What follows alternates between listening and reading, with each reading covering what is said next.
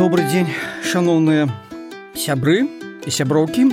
Працягнем э, наше вандраванне па нязвыклых лёсах наших суайчыннікаў наших папярэднікаў. Сёння такой цэнтральнай постацю нашего аповеда будзе вельмі каларытны персонаж вядомы у і ў гістарычным фальклоры і ў папулярнай літаратуры як пані каханку а гэта на самой справе э, мінушка караля станіслава радзівіла.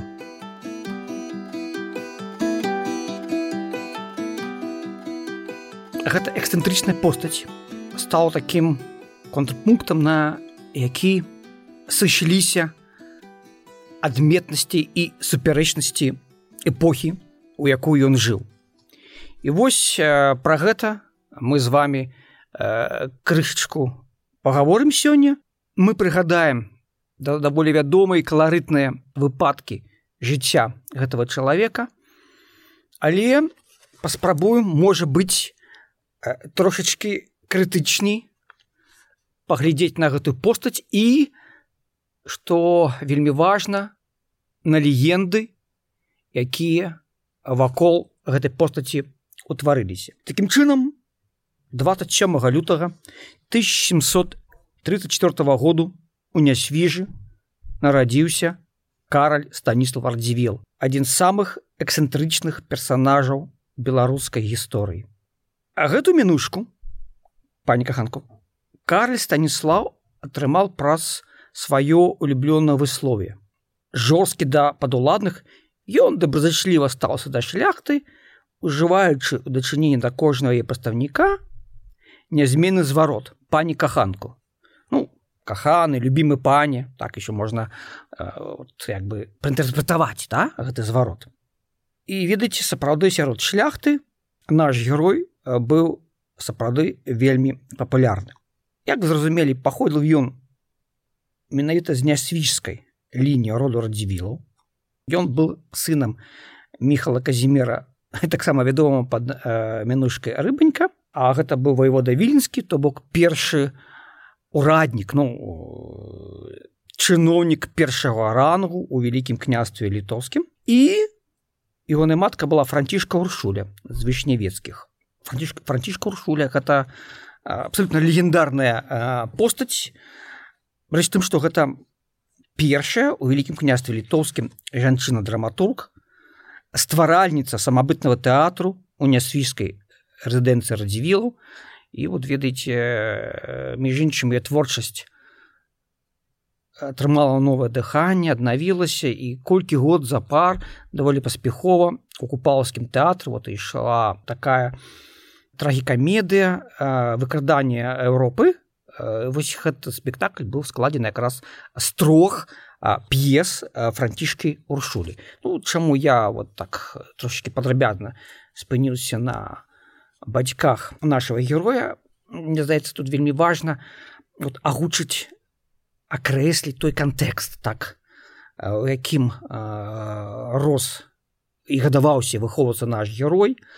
А гэта кантэкст адначасова уладны і таксама творчы.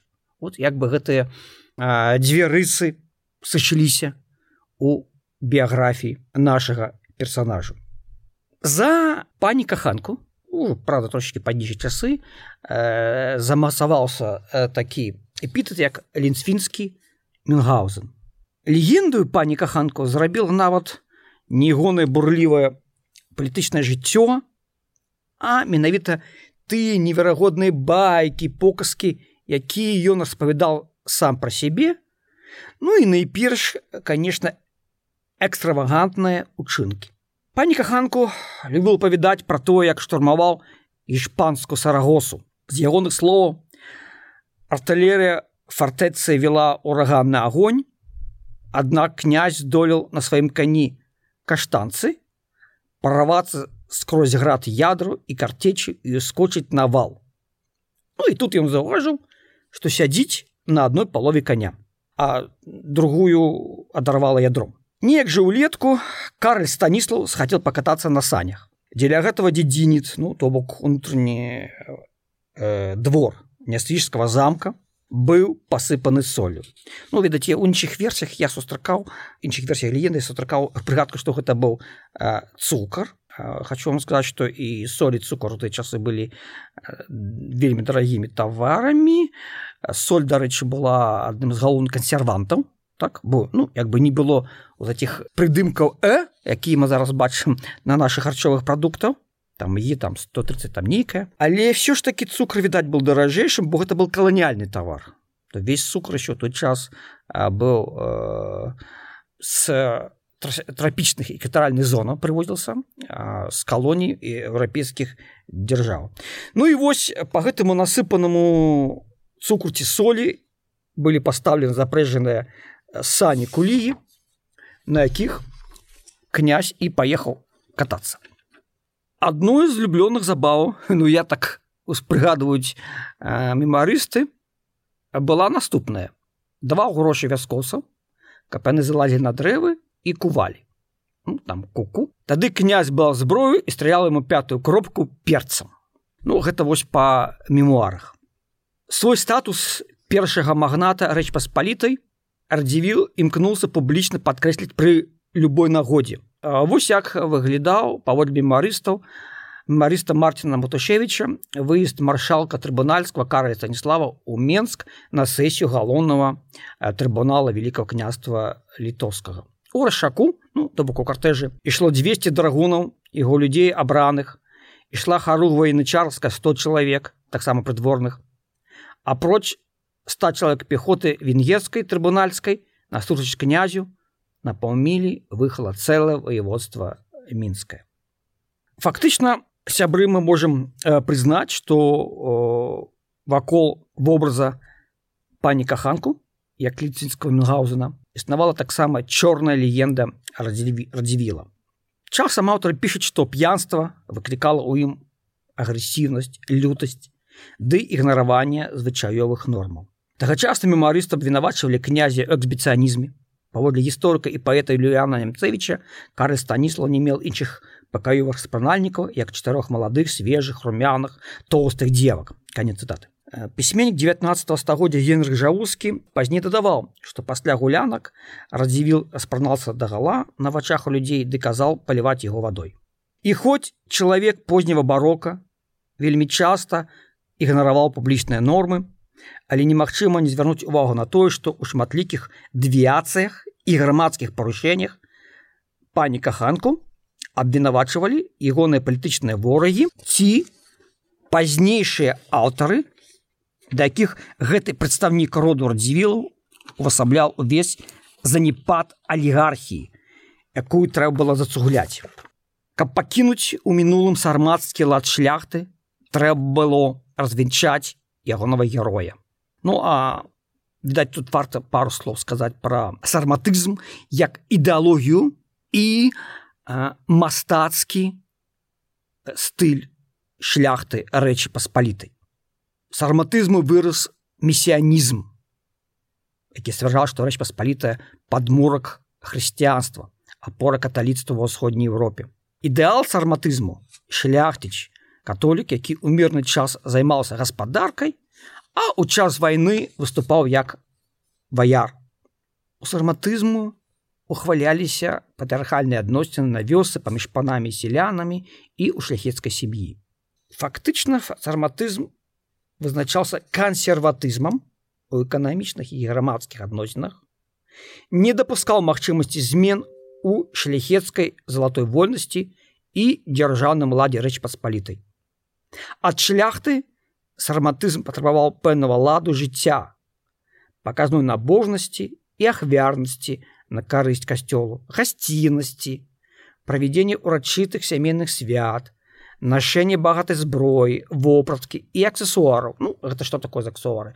Кунтуш, жупан і паясы сходняга тыпу.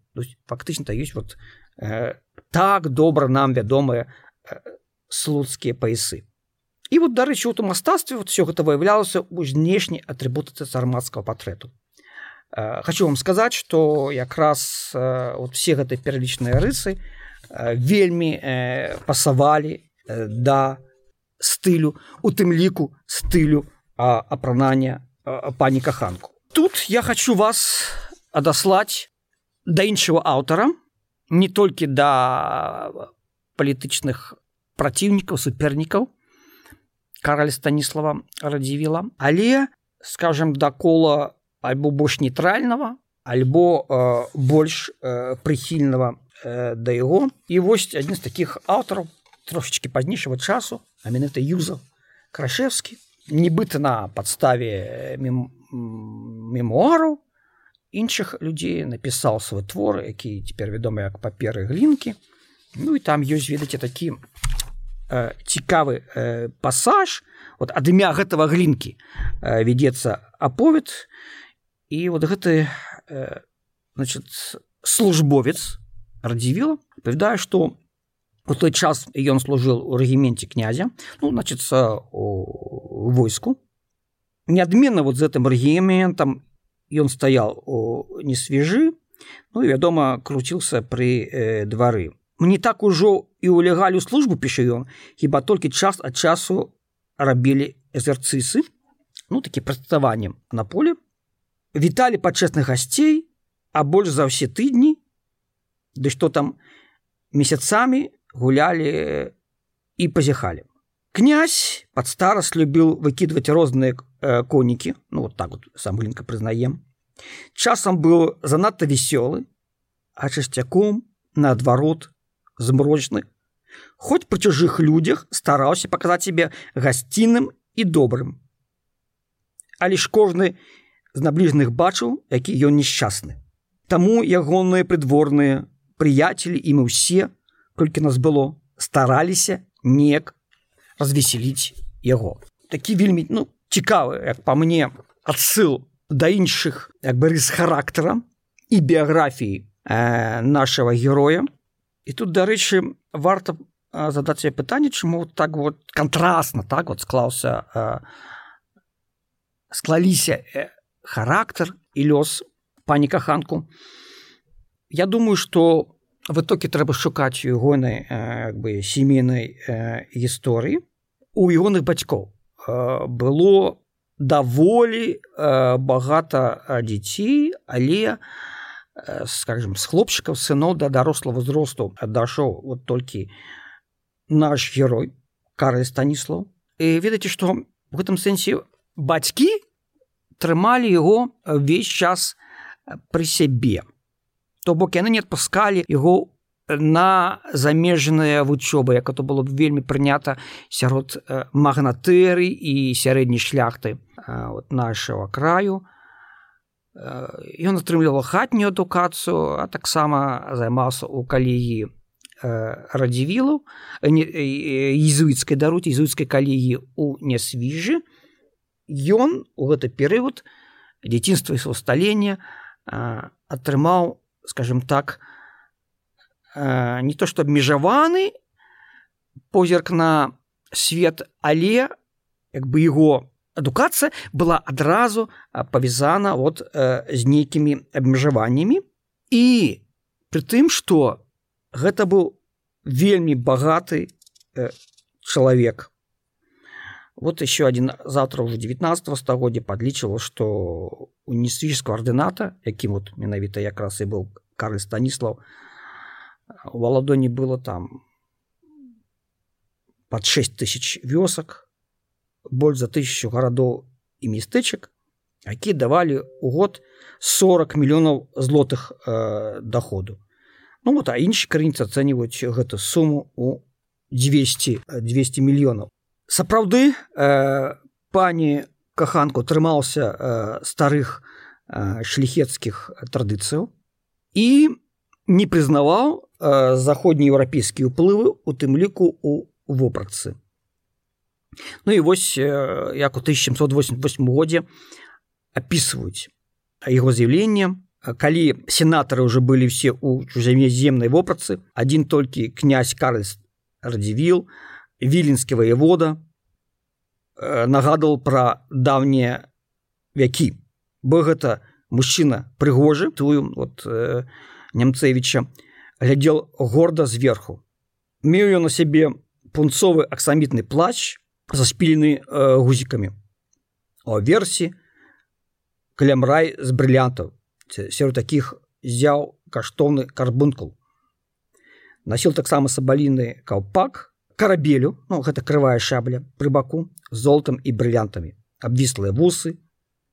І задыхаўшыся ён седаў у крэсле у крэсла. Вось так вот опісваецца пасяджэннем адно з нарадаў э, сената э, рэчы паспалітай але беручы да увагі вот сеці каларытныя факты э, з гісторыі карля станіслава нам прыйдзецца трошачки сысці ў бок і цяпер прадум падумаць пра кантэкст палітычнай падзеі якія адбываліся у нашым краі ну і шырэй у рэч паспаліта і еще шырэй у нашым рэгіёне Европы. Я хочу вам сказаць что вот з таго что я ведаю у меня склалася такое выразнае ўражанне что гэта быў час шизофренічнай палітыкі і наши палітычныя а можа і маральныя крытэрыі у аповедзі пра той час напэўна не спрацуюць. Як адначал вядомы літаратор 19 стагоддзя юзов крашевскі аповесці пра панік каханку от паперы глінскага у той час было на што паглядзець і чаму падзівіцца бо тады сілы і моц ішлі на пару з выдумкай Тады чыніліся такія рэчы дзеі, якім цяпер проста цяжка даць веры. Канец цытаты. Палітыкі рэч паспалітай у 18 стагоддзі былі ўжо не стане вырашыць унутранне палітычнай супярэчнасці беззамежнага ўмешання. Вот наш герой выступаў супраць партыі чатарыскіх, якіх падтрымлівала Росія вот пасля смерти караля Ауста 3 у 1763 годзе даведаўшыся что генеральная канфедерация шляхта вКл разам з расійскімі войскамі хочуць занять не свіж пані каханку рушил до свайго родового замка ну але был разбіты под слонімом далей пані каханку мусіў хавацца у Малдове в угоршчыне саксоні у час знаходжання у дрэздыне да яго прыйшла звестка пра адабранне ўраду ну то бы мовіць пасаду воеводы і секвестравання канфіскацыі маёнкаў Вот такой ситуации Карль Станислав звярнулся до Катерины другой, ну, российской императрицы, с просьбой взять его под свою протекцию и вернуть маёнки, узамен обещаючи падтрымаць прапанаваную ёй кандыдатуру на трон рэчы паспалітай. Дзякуючы намаганням расійскага амбасадара Миколая Эрпніна у 1767 годзе Карль Станіслав вернулся Украину. Ну, и он сказал присягу на верность королю Станиславу Августу Понятовскому и отрымал назад усе страченные уладания. Але вось глядзіць, што было далей улетку ўжо наступнага года 1768 пані каханку выступіў супраць гарантыннага трактату, паводле якога рэч васпалітая ператваралася у расійскі пратэктарат. І вот стаў генеральным маршалкам то бок узначаліў барскую канфедэрацыю шляхты якая вот выступала супраць гэтага палітычнага праекту калі ж расійскія войскі з баямі узялі нясвіж і слуцк радзівіл выехал гэтым выехал гэтым разам у прусію ну і вось до 1777 году ён знаходзіўся на эміграцыі у вугоршчыне турцыі чехі нямецчыне францыі э, венецыі все ж таки гэта была досыць уплывовая і вядомая фігура. І вось каб адцягнуць радзівіла ад апазіцыі расійская дыпламатыя зноў прапанавала яму пратэкцыю ды вяртання маёнкаў выніку пані каханку прыехаў на радзіму і замірыўся з каралём. У канцы 1780-х гадоў ён зноў зблізіўся з антыкаралеўскай апазіцыі сфармаваў полк які перадаў у склад войска великкага княства літоўскага. Далейшага падзею радзіміл ужо не пабачыў бо ён памёр 21 лістапада 1790 года то есть фактычна все сваё жыццё Карль станіслав радзіў як бы граў у тэатры у абсурднай часы. Ён не імкнуўся выглядаць так бы мой нармальным чалавекам наадварот падкрэсліваючы сваю э, незвыкласць тым не менш ён спрабаваў ну, у меры сваіх сіл рэалізаваць ты ці іншыя палітычныя праекты Ну вот пры гэтым такой скажем дэманстратыўнай э, рысай ягоная была прыхільнасць э, прыязнасць да шляхты прычым небагатай шляхты. І вось безумоўна часткай палітычнай гульні караля э, станіслава была ягоная падкрэсліванне уласнай блізкасці да шляхты. Ну, тым больш што уласна натура радзівіла спрыяла панібратству мемарысты опісваюць наступны выпадак калі князь быў у гуморы. Тады і ўраднікі і шляхта магнаты і зацінкоўцы былі брат за брата князь спаткаўшы некага шляхтыча у абадранай шапцы садаў яе з яго паклаў на сваю галаву і аддаў яму сваю аксамітную як па знаку усе пачалі мяняцца шапкамі ды піць. Потым князь добра п'яны пачала спранацца лаючыся на шляхту ад добрага сэрца. І так аднаму даў свой пас кароче даруй табе другому кунтуш. Маеш э, гэтаму дамантавую запінку трымай а іншым ужо пан возьми так ён застаўся ў малінавых шараварах і кашуль і так улез на воз на якім была бочка поўная віна. Пані каханку сядзел на бочцы а воз шляхта цягнула па вуліцах наварадка ну такія як бы эксцэнтычныя э, паводзіны э, цалкам упісываліся ў стратэгію караля станіслава заваявання папулярнасці э, сярод шляхты бо ему рэгулярна прыходзіла прыходзілася удзельнічаць у выбарах альбо на суддзю галоўнага трыбунала великкага княства літоўскага альбо як пасол на соем у ранейшыя часы Але ёсць яшчэ адна рыса у біяграфіі караля станіслава гэта мецэнацтва. Ён трымаў тэатр і аркестр у нясвіжы.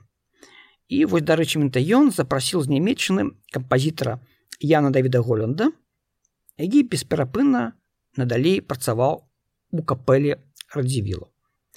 І вось 17 верасня 1784 года у нясвіжы адбылася прымера оперы Голланда, агатка або прыезд пана.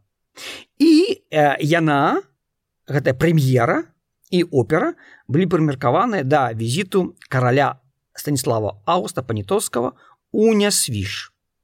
Вот, вы разумееце, што был якраз перыяд замірэння пані каханку э, ще адным ураджэнцам э, э, нашай зямлі станіславам аустам панітоўскі які вот у час быў каралём польскім і вялікім князём літоўскім як прыгадваюць сучаснікі кароль задавальненнем праглядзел спектакль пазнаў сябе у вобразе доброго пана які прыязджае і вырашае усе інтрыгі на карысць закаханых. Пасля прэмеры панітоўскі як прыгадваюць мемарысты мел ласку прачытаць прысутным э, такі невялічкі э, верш уласна сачынення по-беларуску ну на тагачаснай э, беларускай мове такой у вуснай еще фіксацыі. Увогуле агатка альбо прэс пана была адной з першых опер створных і пастальных у беларусі у 18 стагоддзе і вось яна набыла асаблівую вядомасць і больш за 40 год ішла на сцэнах тэатраў. А лібрэта да оперы агатка стварыў князь мацера дзівіў. То бок такі дальні кузен нашего героя. І мацера дзівіў сам якраз быў такім музыкантам аматарам з будаўнічай гісторыі пані каханка вядома таксама тым што ён адбудаваў летнюю рэзідэнцыю у альбе. Гэта прадмесце э, не свіжа там быў пабудаваны зверынус то бок утрымліваліся зверы так для палявання. І там же таки знаходзіўся такі летні зарны палац. Апроч таго ён аднавіў радзівілаўскі палац у слуцку. Караль станіслав быў найзаможнічым магнатам рэчы паспалітай і адным з найбагацейшых еўрапейскіх арыстакратаў. Его маёмасць ахоплівала каласальная латыфунды вакол яго самого склалася шмат легендаў. З нову боку паніка паніка ханку выяўляўся як адзін з найбольшых п'яніц і гулякаў саскай эпохі ну эпохі калі рэчы паспалітай кіравалі каралі з таксонскай дынастыі з іншага боку ён быў як прыгадуць сучаснікі прыкладам шляхетнасці самарыцянства і патрыятызму. Неверагодна багаты і плывовы ён здабыў сабе сярод шляхты велізарную папулярнасць дзякуючы щодрасці з грамадскім звычаем схільнасці да беседаў і жартаў адначасова ён быў вядомы сваімі дзікімі выбрыкамі і раздражнёнасцю псіхалагічная вот і культурніцкая постаць караля станіслава цалкам упісваецца вот у гэтую эпоху э, познява барока але адначасова мы э, павінны э, памятаць что гэта быў час крызісу рэчы паспалітай. Калі ты наяўна дзяржаўныя палітычныя механізмы існавалі у дзяржаве не маглі ўжо адпавядаць выклікам часу не спраўляліся со сваімі функцыямі. При тым что нарастала вось гэта вот знешняя пагроза найперш з боку Росіі а таксама потым Австрыі і Прусіі вар'яцкая эпоха. Ну і магнат высокі ўрадовец палітык які паводзіл вот так вот вельмі дзіўна выглядаў не до конца вар'ятам у гэтай вар'яцкай сітуацыі. Я мяркую что карл станіслав час ад часу апранаў на сябе маску гэтага такого гулякі і спрыяў э, распацюжання э, пра сябе дзіўніх і э, дзікіх э, плётак гэта было адным з яго палітычных інструментаў з дапамогай якіх ён спрабаваў нейтралізаваць рэзкую агрэсіўную палітыку сваіх праціўнікаў. Ну наколькі паспяхова была гэта стратэгія? Нам трэба конечно паспрачацца асобна. Ну але ўсё ж таки давайте памятаць пра такого дзівака забіяку гуляку цікаўнага да культуры Карля станіслава радзіла які ж высвятляецца не до конца быў такой шалёнай постацю як пра яго пішуць. Дякуй рада было быць разам з вами